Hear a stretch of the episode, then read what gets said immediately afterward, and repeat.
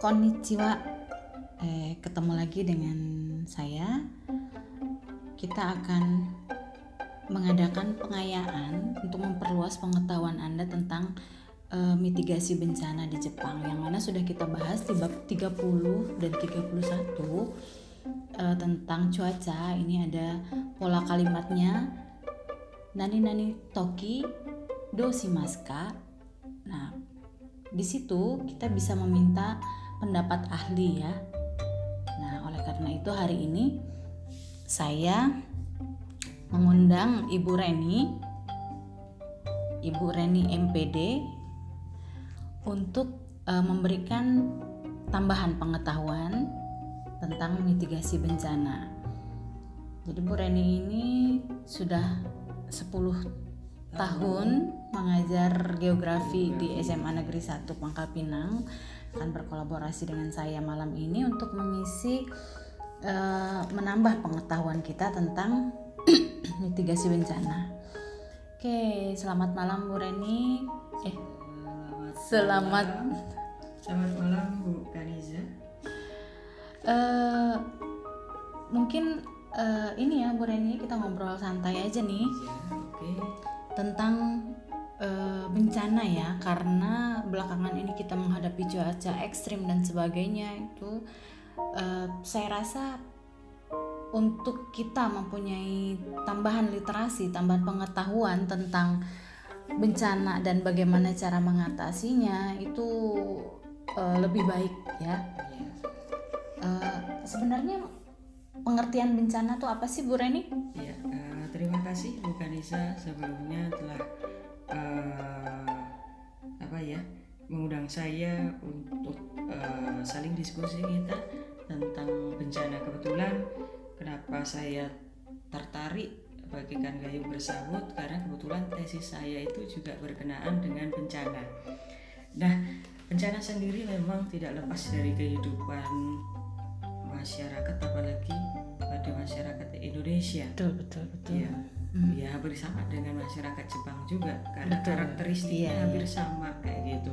Betul. Sehingga ya. uh, memang kita harus memahami tentang apakah itu bencana, bagaimana cara menanggulanginya, seperti itu. Kita harus siap sebagai uh, masyarakat yang diam dalam suatu daerah atau negara yang potensi bencananya sangat besar.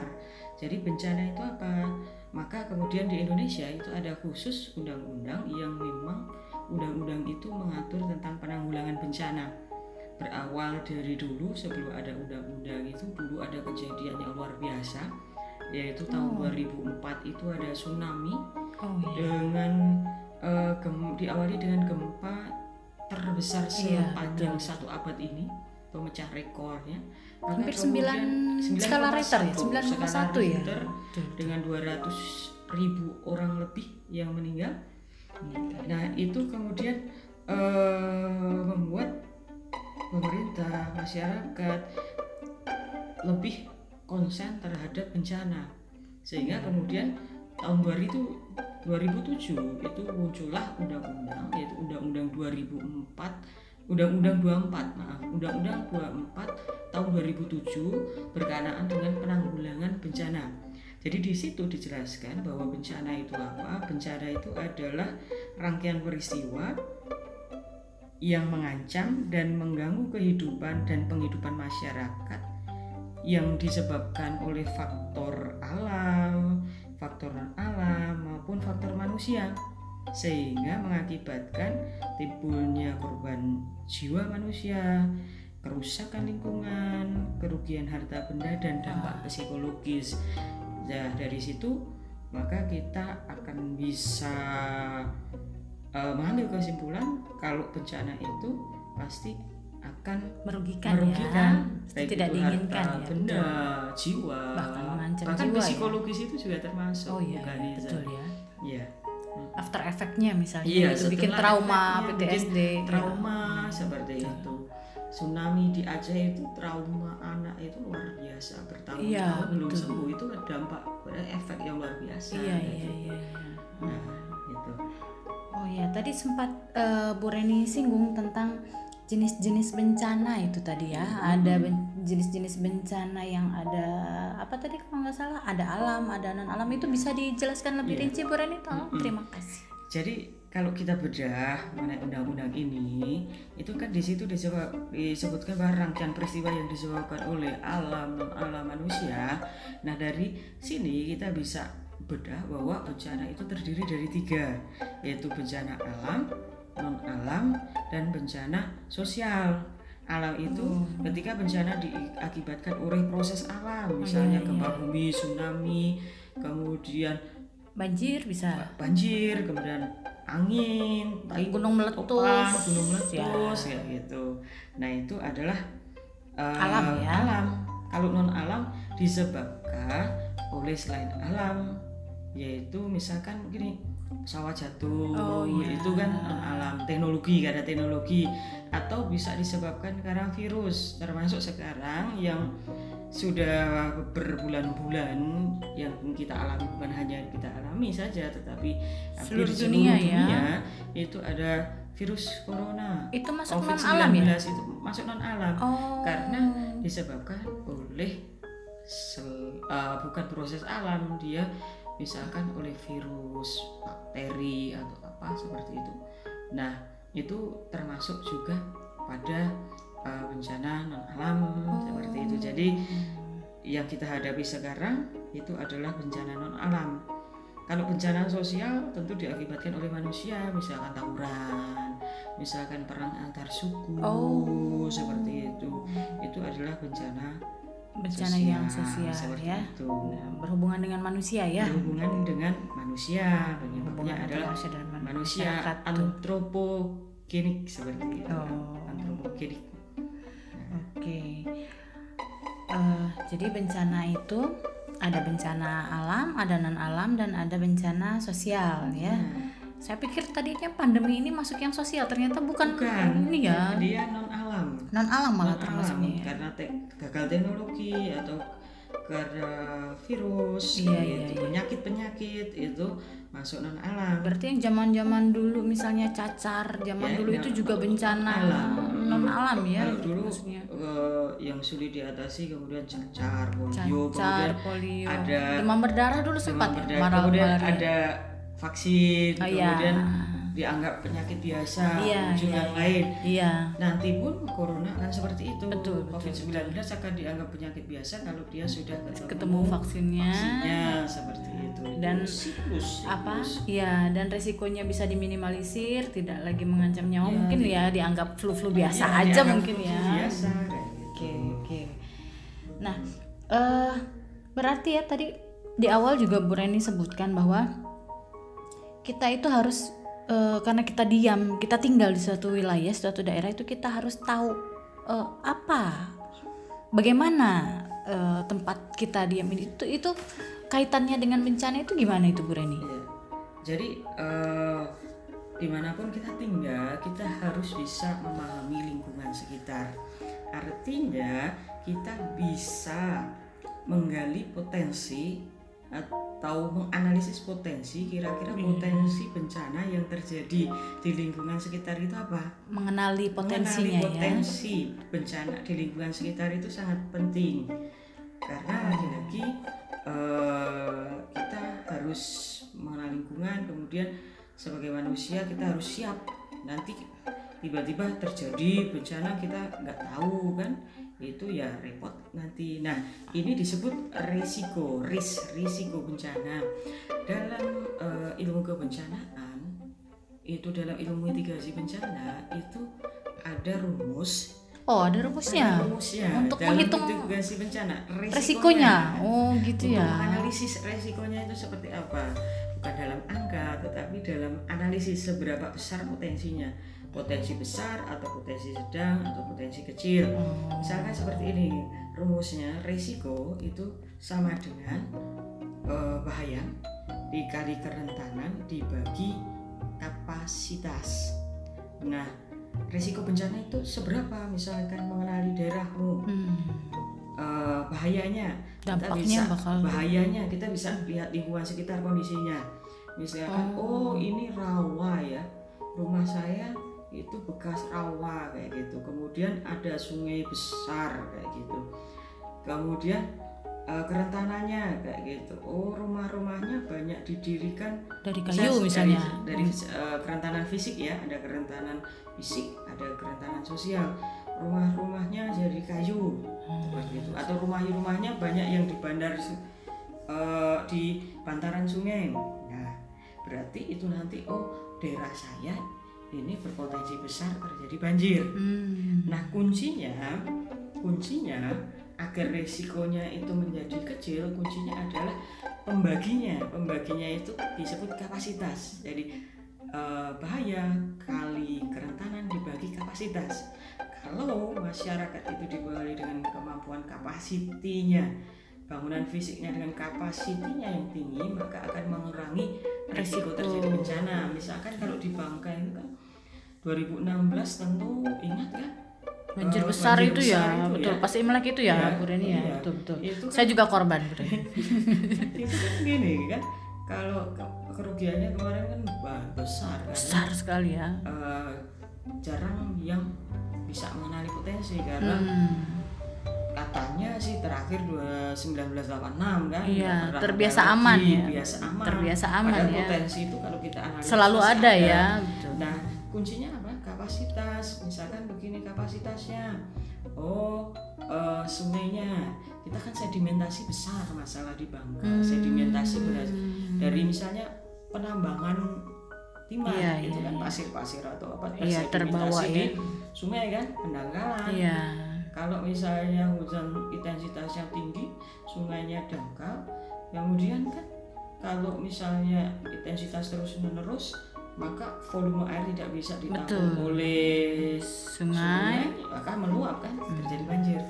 Nah kapasitasnya apa? Kapasitasnya ya sering mengadakan uh, pembersihan, pembersihan uh, pengerukan, pengerukan, ya. kemudian uh, penghijauan di pinggir sungai hmm. seperti itu kemudian dan penghijauan tentunya di kuncinya adalah di hulu hmm. kemudian drainase yang bersih kayak gitu yeah. kemudian uh, secara masyarakatnya secara sosialnya kapasitasnya yaitu kita uh, bisa membekali diri dengan pengetahuan-pengetahuan mitigasi sehingga oh cepat yeah. tanggap seperti itu.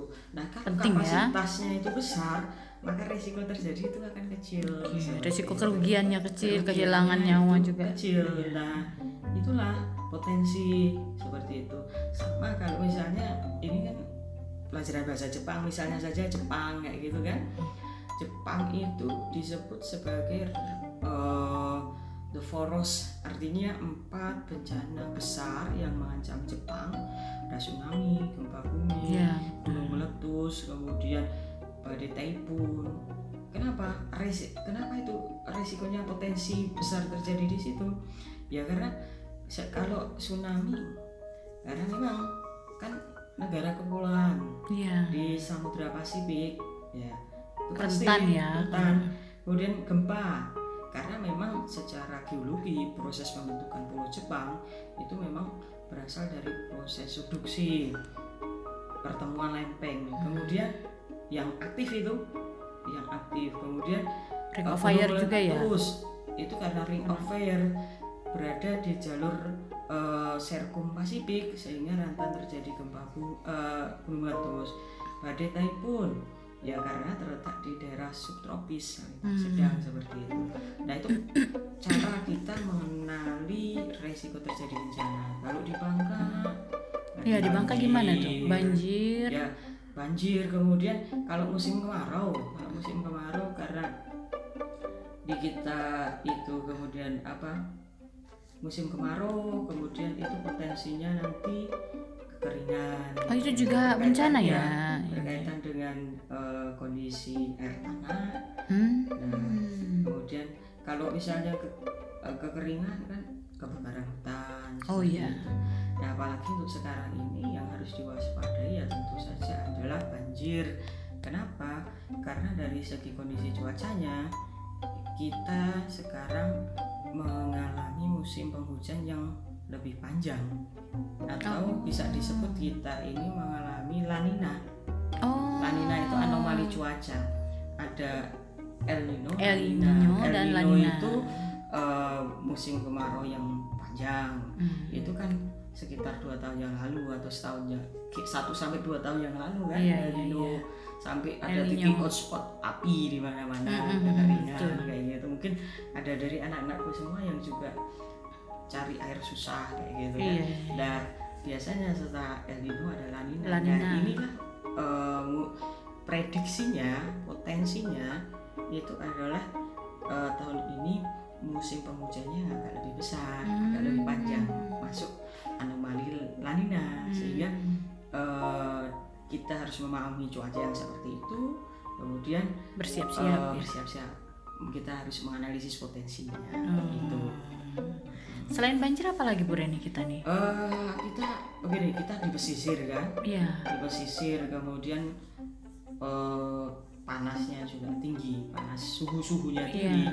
terjadi konveksi yang besar sehingga puting beliung Oh iya. itu rawan Betul, karena eh, daerah-daerah pesisir memiliki suhu yang tinggi juga, kemudian kalau suhu tinggi konveksinya itu semakin besar, itu potensi terjadi angin puting beliung juga besar Iya. dan juga eh, berkaitan dengan cuaca juga misalkan ada musim penghujan itu eh, petir petir ya. petir Kemarin kan- itu kita iya, ada badai petir ya Petir. semalaman iya, ya. karena kan itu di kita itu kan eh, lebih apa partikel- Tanahnya ya partikel, mungkin iya, lebih karena ada mengandung kandungan logamnya kandungan kita logam, tinggi ya. le- eh, lebih cepat tertarik seperti Iya itu. betul Sehingga- betul. Jadi konduktor dia. iya apalagi terletak di daerah pesisir Iya iya di iya. mana eh, luasan lahan itu penghalangnya tidak ba- Oh tidak iya. banyak. Nah itu yang berpotensi maka ya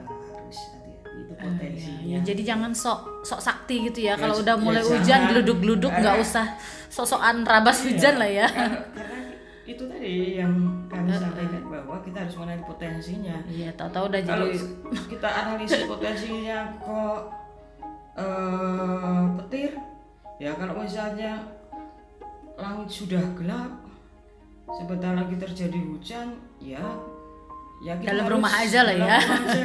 Kalau misalnya kita di sekolah ya jangan buru-buru pulang. betul gitu. betul ya. Kita tunggu hujan reda gitu kan. Hmm. Nah itu penting anak-anakku semua. Oke lah. Jadi Bangka ini tadi rentan terhadap banjir, kemudian kekeringan, kemudian puting beliung dan petir. Petir.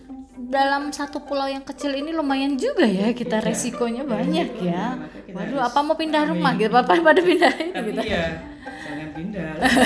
Bangka itu termasuk nah sementara salah satu daerah selain Kalimantan yang aman dari gempa. Gempa dan tsunami ya mungkin. Tsunami tentu.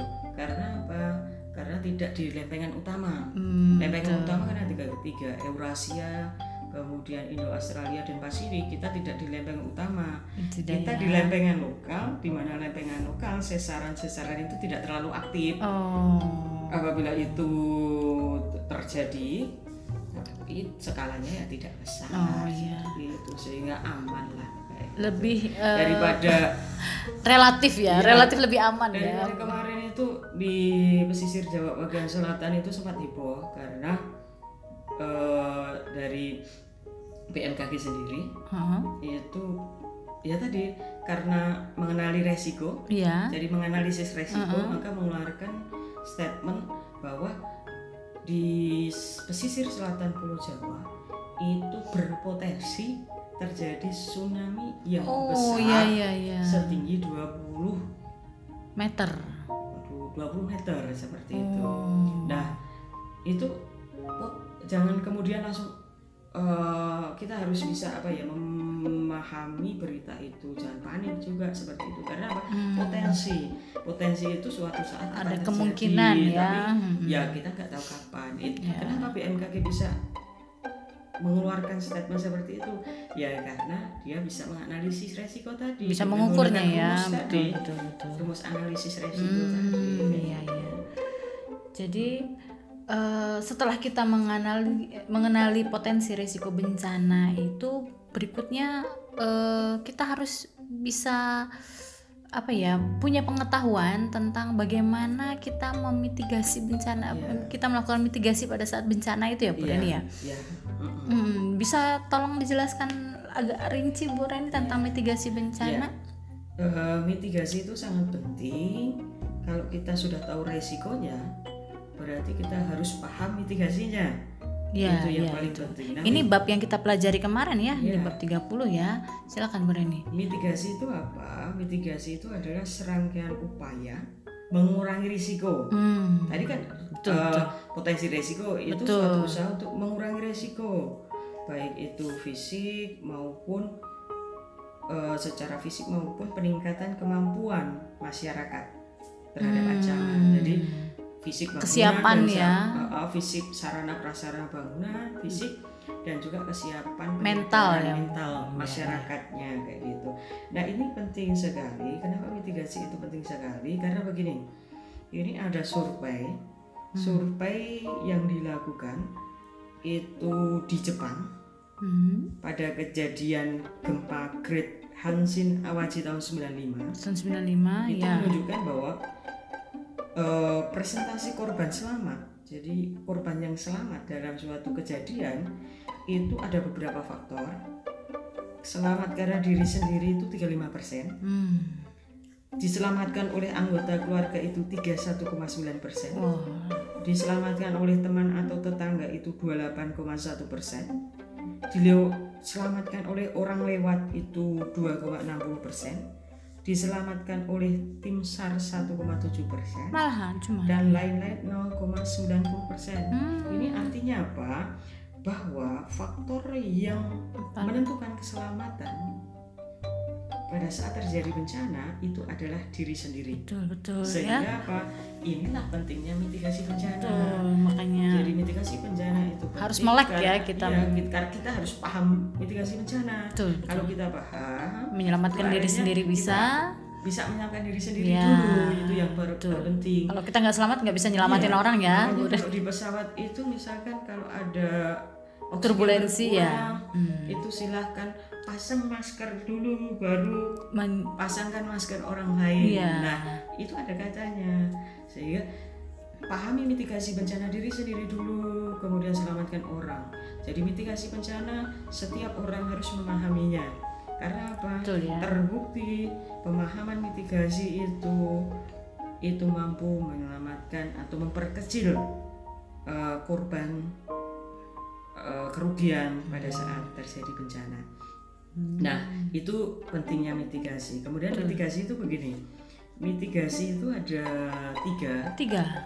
Ada pre, kemudian. Oh, ternyata ada ininya juga ada, ya. Ada siklusnya hmm. juga. Ada sekuensinya ya. Ada siklus. siklus hmm. Ada sebelum.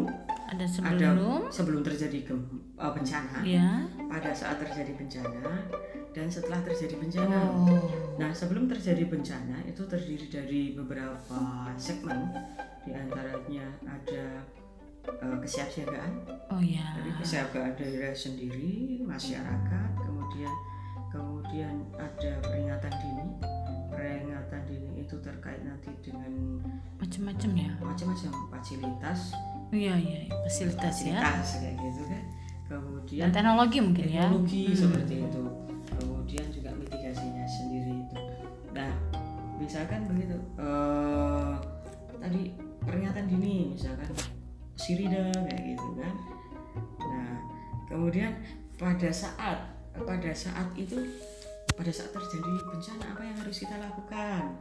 Biasanya terdiri dari tanggap darurat seperti itu evakuasi dan sebagainya tanggap darurat.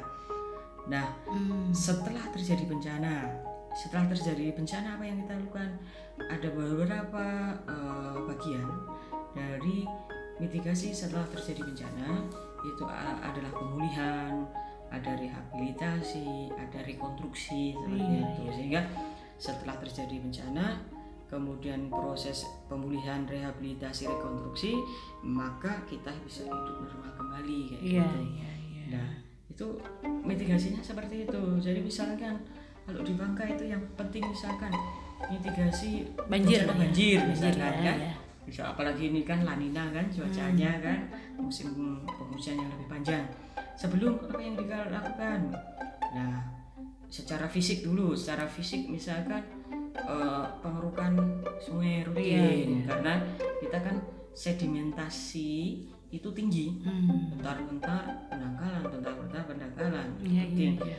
kemudian uh, pentingnya menjaga kebersihan jangan buang sampah buang di sungai sampah, misalnya eh, ada sampah ada sampah malah dibuang ke sungai iya, gitu. iya. rajin uh, membersihkan drainase kayak gitu kemudian penghijauan di hulu maupun di bantaran sungai jangan mendirikan bangunan di bantaran sungai kayak gitu itu fisik hmm. segi dalam segi masyarakatnya ya kita tadi paham mengerti harus seperti apa banjir apa yang harus kita lakukan ya. misalnya kita sudah sedia tas siaga bencana iya gitu. ada bosai puro ya. kalau di Jepang itu iya. ada itu misalnya diisi diisi ya, apa center penting gitu, terus ya obat, obat P3K ya, uh, apalagi dokumen, ya dokumen betul penting, betul betul gitu. ya kalau misalnya nanti terjadi langsung tinggal comot langsung lari kayak gitu itu kan uh, berkaitan dengan uh, diri sendiri. masyarakat diri betul. sendiri kalau pada saat kalau sudah terjadi banjir nih ya hmm. janganlah kayak gitu. 2006 kalian kan merasakan kan gimana 2016 ya. 2016 gimana susahnya banjir itu yeah. apa ya jangan lagi. Nah kalau toh itu terjadi maka ya nah kalau sudah terjadi bencana sudah terjadi banjir kayak gitu kan kita cari tempat yang lebih tinggi. Kemudian hindari hindari listrik ya harus gitu. listrik harus ya listrik ya, ya, ya. Betul, betul. kemudian jangan berjalan di dekat uh, sungai kalau kita lihat sungai kan nggak kelihatan ya iya, iya, iya. jangan berjalan di situ kayak gitu kan kemudian kalau sudah di rumah kemudian airnya sudah terperangkap tinggi, nih misalnya gitu, ya, ya jangan kita... keluar kan uh, kita naik apa yang bisa kita naiki kemudian naik meja kan naik ya, lemari kayak gitu. misalnya gitu. lantai dua ya lantai, dua, dua gitu. gitu kita meminta uh, pertolongan dari sana besar nah kalau setelahnya uh, setelahnya itu misalkan kalau habis banjir itu kan kotor sekali iya gitu. betul, biasanya ada uh, ada ikutan penyakitnya biasanya Bu iya itu namanya uh, dampak sekunder hmm. kayak gitu dampak ikutan pasti kan mutabe iya, kotor kayak gitu kan kena, maka iya. iya membersihkan dengan antiseptik kayak hmm, gitu iya. kan nah itu kemudian kalau urusan cara pribadi ya kemudian kalau misalnya berkaitan dengan pemerintah ya pasti ya jembatan rusak iya gitu. ya, betul. Ya jembatan. Kalau di Jepang Jepang, Jepang itu ya itu malah ada bang Anissa. Ada jembatan kayak apa ya? Oh ya anu teknologinya mereka memang pre untuk pencegahannya itu udah apa ya jembatan ini loh jembatan kayak yang bisa jembatan ya, ditarik portable, portable iya ya. jembatan portable. jadi dia bisa uh, ditarik kemudian diulur lagi kayak gitu. Iya. jadi ketika misalnya ada banjir kemudian jalanan putus, putus misalnya. langsung aja mesin dinyalakan jembatan itu bisa terentang. Terentang, hmm, gitu, terentang bisa jauh. dilewati hmm. manusia apalagi pentingnya untuk uh, logistik itu kan. Iya benar-benar gitu. Itu uh, contohnya juga seperti itu. Jadi kalau kita uh, rekonstruksi nanti rehabilitasi dulu rekonstruksi nah baru berfungsi seperti itu. Nah itu uh, mungkin mitigasinya kalau dari segi dari segi uh, segmentasinya, segmentasinya. ya gitu. sebelum pada saat pada dan saat sesudah. sesudah ya gitu ya. Berarti kalau misalnya pada saat sesudahnya itu kita mesti hati-hati pada dampak ikutannya itu dampak ya. ikutannya kayak gitu. Ah. dampak ikutannya itu ya penyakit penyakit penyakit itu jadi berarti harus kita ya cuci tangan yang benar lah kayak gitu iya. gitu menjaga kebersihan kayak gitu gitu ya. iya. nyamuk atau mikroorganisme dan sebagainya virus segala bakteri ya kayak kayak gitu ya. Iya. Diare pasti ikutan ya kalau habis banjir itu kalau di daerah yang ini hmm. itu.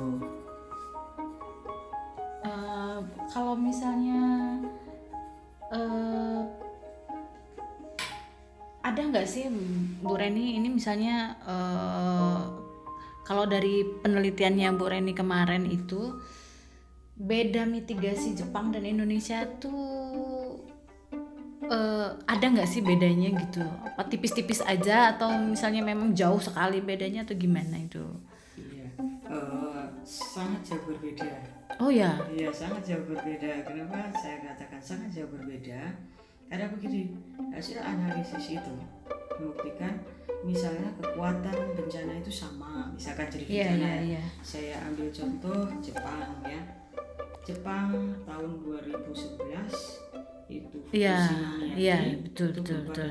Iya. Skalanya 7, sekian sekarang. Iya, iya, sampai pecah ininya. Iya, kemudian uh, Jogja 2006. Iya, Jogja 5 ya. 5,9 skala Richter itu 5000 lebih korban. Oh iya. Tapi kalau di Fukushima Bu Reni merasa ya itu ya? Iya, Ikut ya di situ ya? saya jadi korbannya juga. Oh, makanya gitu. tertarik ini meneliti meneliti tentang iya, ini saya ya. Setiap terjadi kebencanaan itu saya excited sekali ya gitu karena ya jadi korban kayak gitu. Eh ke sini ke sini 2016 kenapa banjir? Kenapa banjir? di, eh, di Jogja kena. 2010 pas Barijan meninggal itu. Oh iya, eh, Bang. Meskipun nggak dampak langsung, tapi, tapi abu ya, ya, abunya ya kena. Kena ya. Jadi pengalaman pas yang berawal dari pengalaman itu. Hmm. Nah, kembali lagi apa bedanya Jepang dan Indonesia Bid, uh, korban jiwanya setiap terjadi misalnya bencana, sama misalkan kekuatan misalnya gempa nih contoh gempa kekuatannya sama tapi korban jiwanya sangat jauh berbeda seperti oh, iya, itu kan. Iya. misalnya kita Jogja kemarin dan Hanshin Awaji iya, kemarin ya. Iya kita ribuan itu deket ya. paling tidak sampai 100 saja tidak sampai. Hmm. kita ribuan Nah, berarti ini yang mendorong kita untuk berpikir kenapa berbeda kayak gitu.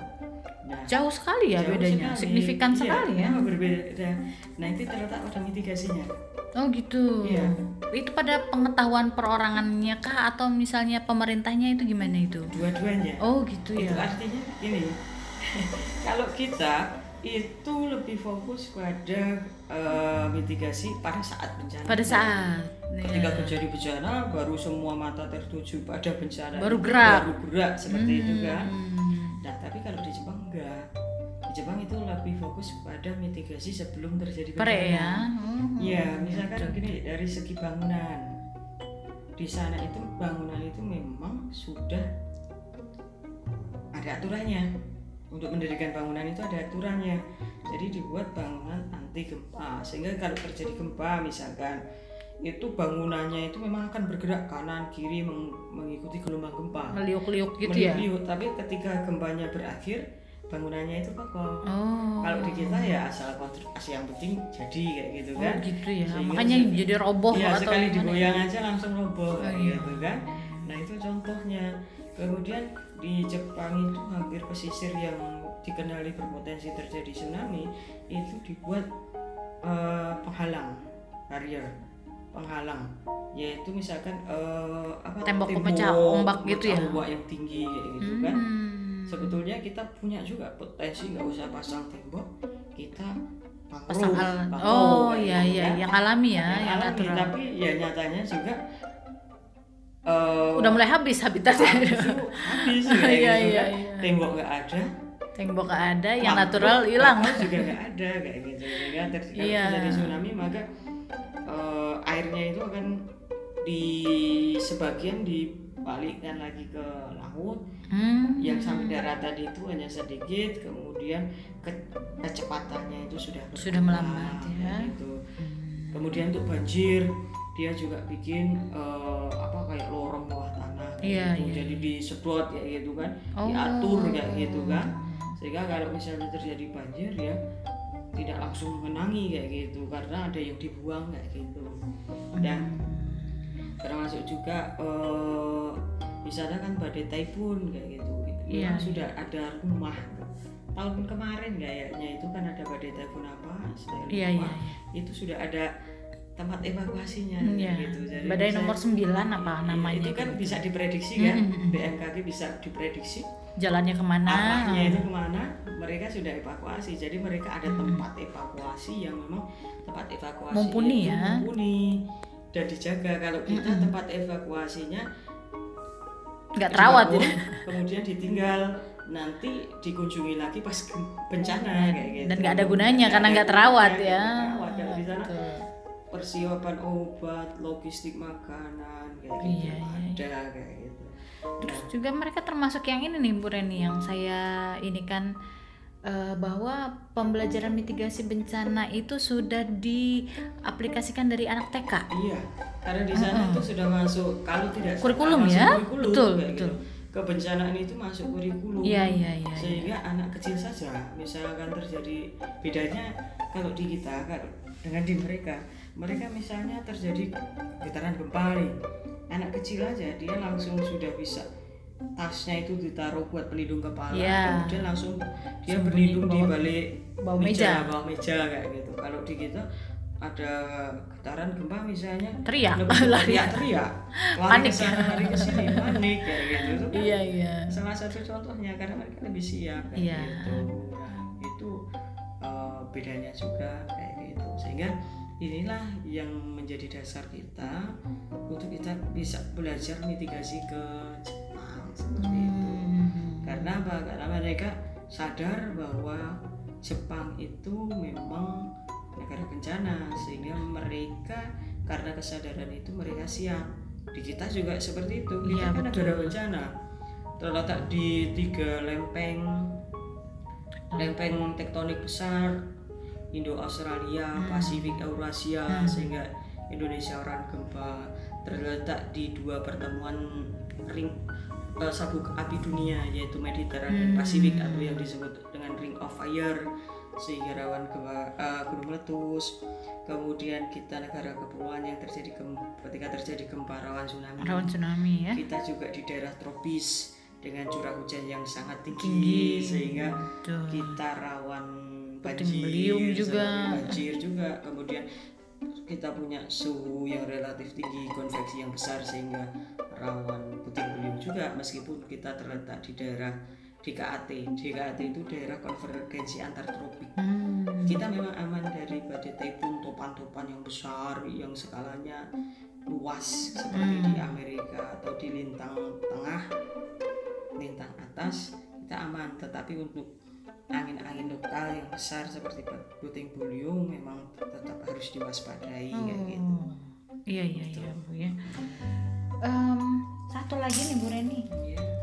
Eh, saya pengen tahu nih mitigasi bencana ini maksudnya pada saat pandemi ini taruhlah misalnya banjir di kita nih ya banjir ketika ada covid ini misalnya 19 ini dengan tidak ada covid kemarin itu berbeda nggak sih mitigasinya sih tentu sangat berbeda ya Oh, ya gitu mudah-mudahan kita harapkan bakal beli itu nggak Nauzubillah banjir min zalik, lagi minta jangan ya. kita kan sudah terkena covid ini sudah, Sudah jatuh ketimpa tangga. gitu. kalau terjadi bencana banjir ya sudah jatuh tertimpa tangga pula. tapi kalaupun itu terjadi tentu mitigasinya akan berbeda ketika kita dalam kondisi normal tanpa covid misalkan apa misalkan ya evakuasinya kan evakuasinya misalkan kalau dulu ketika eh, evakuasi dalam satu tenda brok banyak orang kayak gitu sekarang ya tetap harus social distancing kayak gitu Hmm. harus tetap jaga jarak gitu kemudian eh, air bersih memerlukan banyak lagi kayak gitu Iya, iya. berarti putus stok air bersih dari daerah lain misalkan oh contoh iya. andai kata misalkan Pangkal Pinang banjir kan pasti tercemar airnya kan? Iya, kita iya, butuh air bersih yang lebih banyak karena kita harus sering-sering cuci tangan kayak gitu kan? Nah, harus dalam tenda pengungsian itu juga harus ada hand sanitizer Hmm. seperti itu itu yang Jadi double ya? jadi double kayak gitu kan double satunya yang Double, buat iya. pandemi Iya. satunya yang buat yang kebencanaan iya, yang ininya ya alam satu non alamnya itu disatukan ya Anjir, kayak equipment gitu. berarti ya kita Iya. mah peralatannya peralatan ya, equipment atau peralatannya teknologinya itu, mungkin ya, teknologi dan juga. peralatannya itu harus lebih kayak gitu terus tapi juga berarti mental orangnya juga harus lebih Iya, paham ya harus lebih paham jangan mentang-mentang nanti banjir terus covid berlalu sebelum ada vaksin ya tetap Hmm. kita harus tetap antisipasi tadi Iya. siap siaga tadi harus Kesiapsiagaan mitigasi tadi ya. Hmm. Hmm. covid 19 ini kayak gitu Oke. ya mudah-mudahan segera berlalu amin dengan berita-berita vaksin yang ditemukan itu. Amin, amin, amin ya semoga lah semuanya cepat berlalu Bangka juga nggak terkena lagi bencana-bencana apa pun Iya. ke depannya gitu ya seluruh dunia juga ada. masyarakat kayak Ya makanya ini kita nih mengedukasi generasi muda ini jangan terlena kayak gitu ya biar punya tambahan wawasan bagaimana apa yang harus dilakukan oleh karena itu hmm, kemarin saya minta anda tugas project ya berupa membuat video eh, tentang ini penjelasan mitigasi bencana di Jepang pembelajarannya seperti Iya. sekreatif mungkin lah gitu. Boleh mereka di atas bangunan sambil mempraktekkan dan sebagainya gitu loh Bu Reni. Itu kan bagus sekali. Itu artinya bahwa mitigasi sebelum bencananya bisa Iya. dari itu. Jadi dari meningkatkan jadi, kewaspadaan. jadi dari mana jadi pun. tahu Betul, kan? betul, betul. Hmm, itu Ini- tugas yang bagus luar biasa.